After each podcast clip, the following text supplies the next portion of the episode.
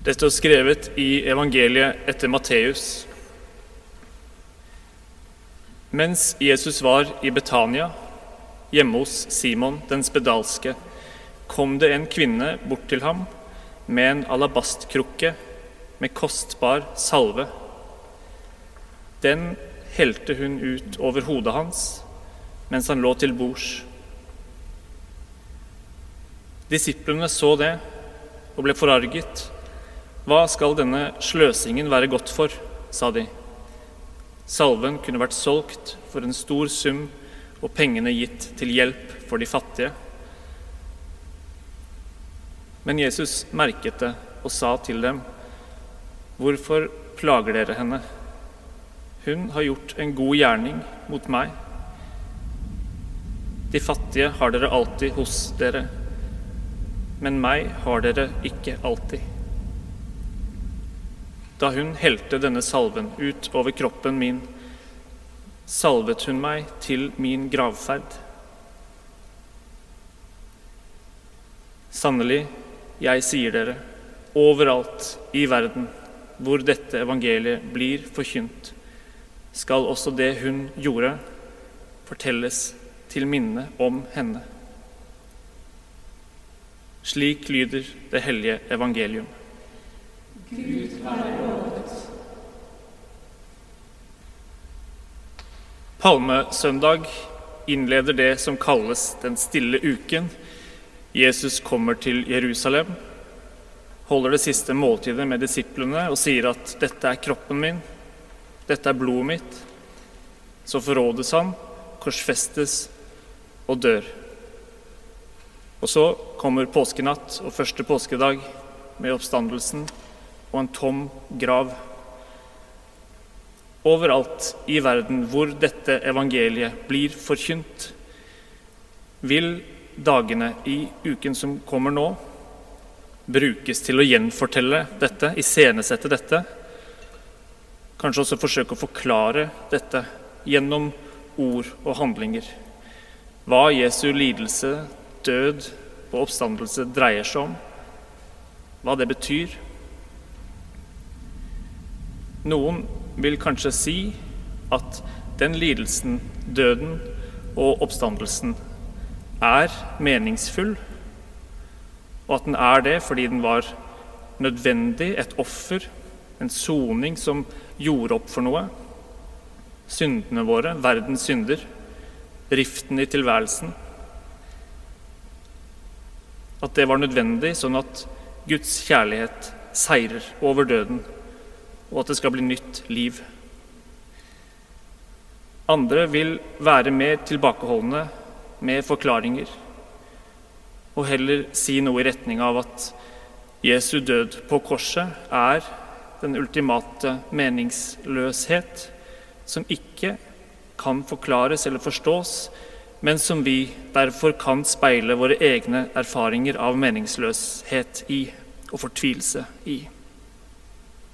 At Guds død får alle forklaringer og logikker og modeller til å kollapse, også de som kristendommen bruker og bygger på.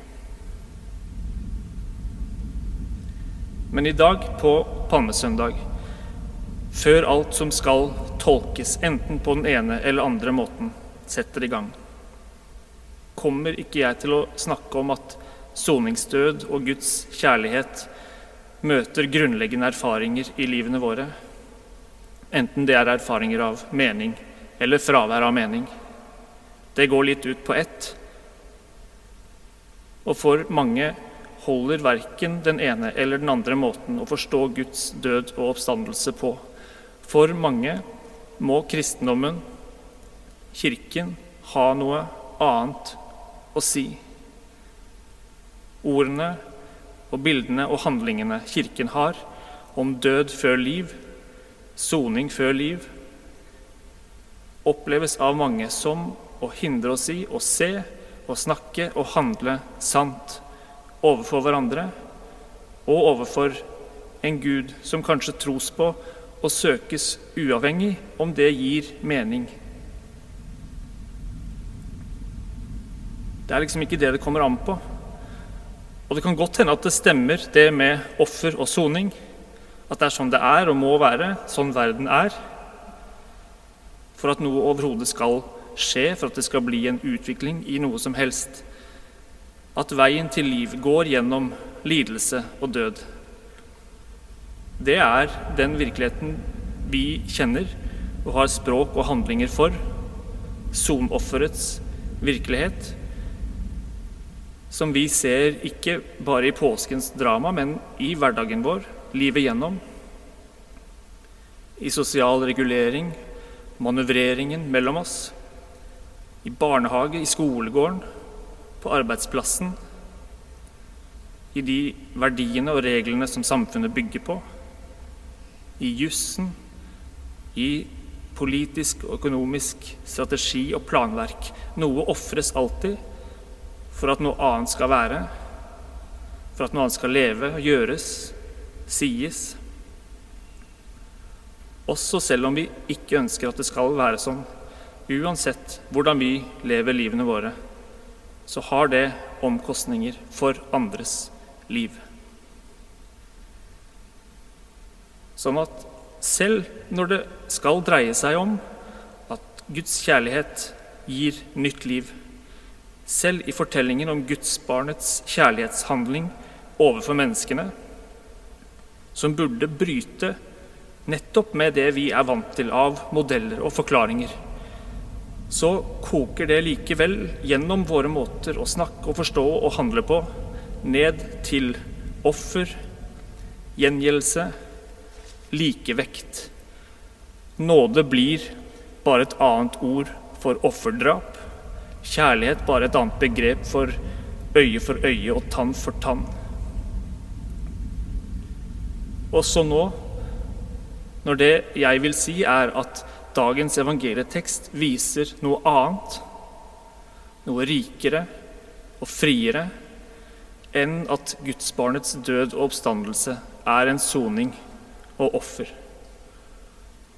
Også nå vet jeg at det jeg sier, fort lander mageplask i dette ferdiglagte, ferdigforståtte. Det er de ordene og den forståelsen vi har, den måten vi lager betydning på. Så jeg sier det nå på forhånd, at det kanskje kommer til å skje. Men jeg holder resten av denne prekenen som en påstand om noe annet.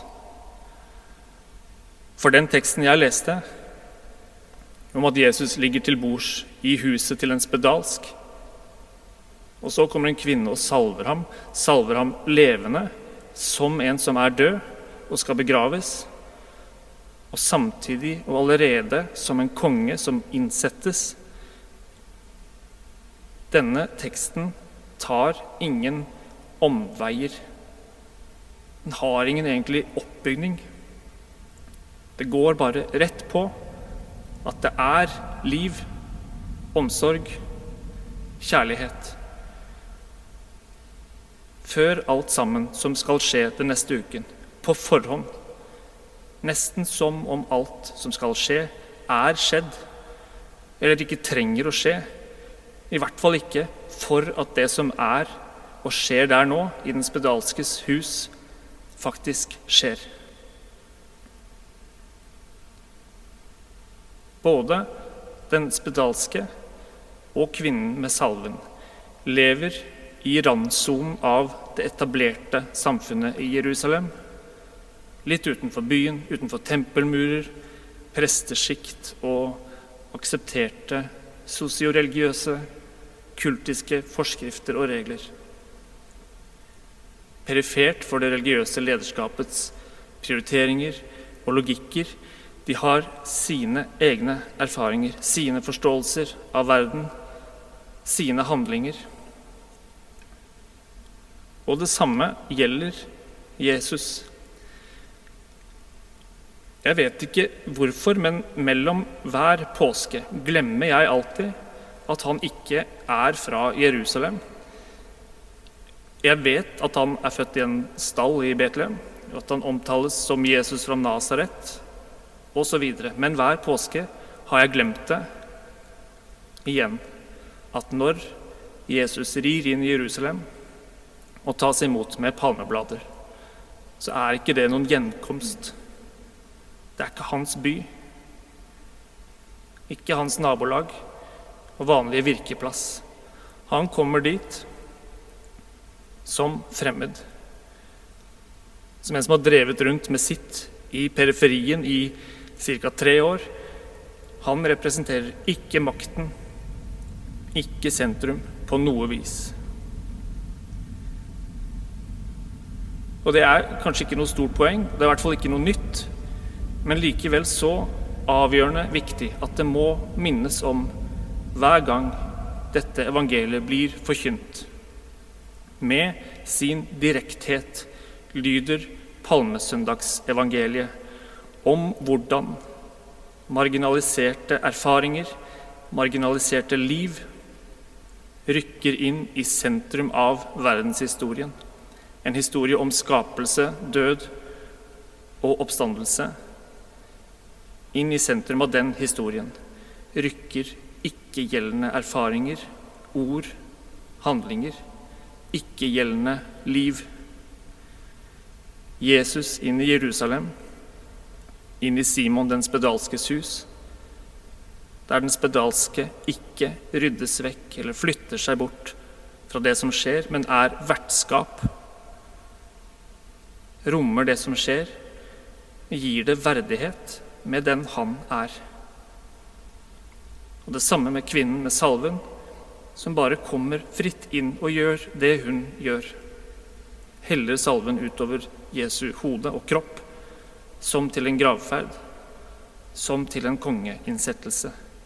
Alt her bryter med forventninger og praksiser, rammer og grenser, rekkefølge og tidsperspektiv. Og gir de utstøtte, marginaliserte og hjemløse Simon den spedalske, kvinnen med salven og Jesus et verd i møte med hverandre ved å være sammen. De snakker og handler i verden sånn som den er, og sånn som de er. Med sine erfaringer, sine ord, sine handlinger overfor hverandre. I påskens drama, hva det nå enn handler om, hva nå enn død og oppstandelse er, skal bety. De møtes og er sammen, fritt, likeverdig, menneskene i Guds liv, Gud i menneskenes liv, nye liv, samme hva, bare det er liv. Ære være Faderen og Sønnen og Den hellige ånd, vår skaper, frigjører og livgiver som var, er og være skal, en sann Gud, fra evighet og til evighet.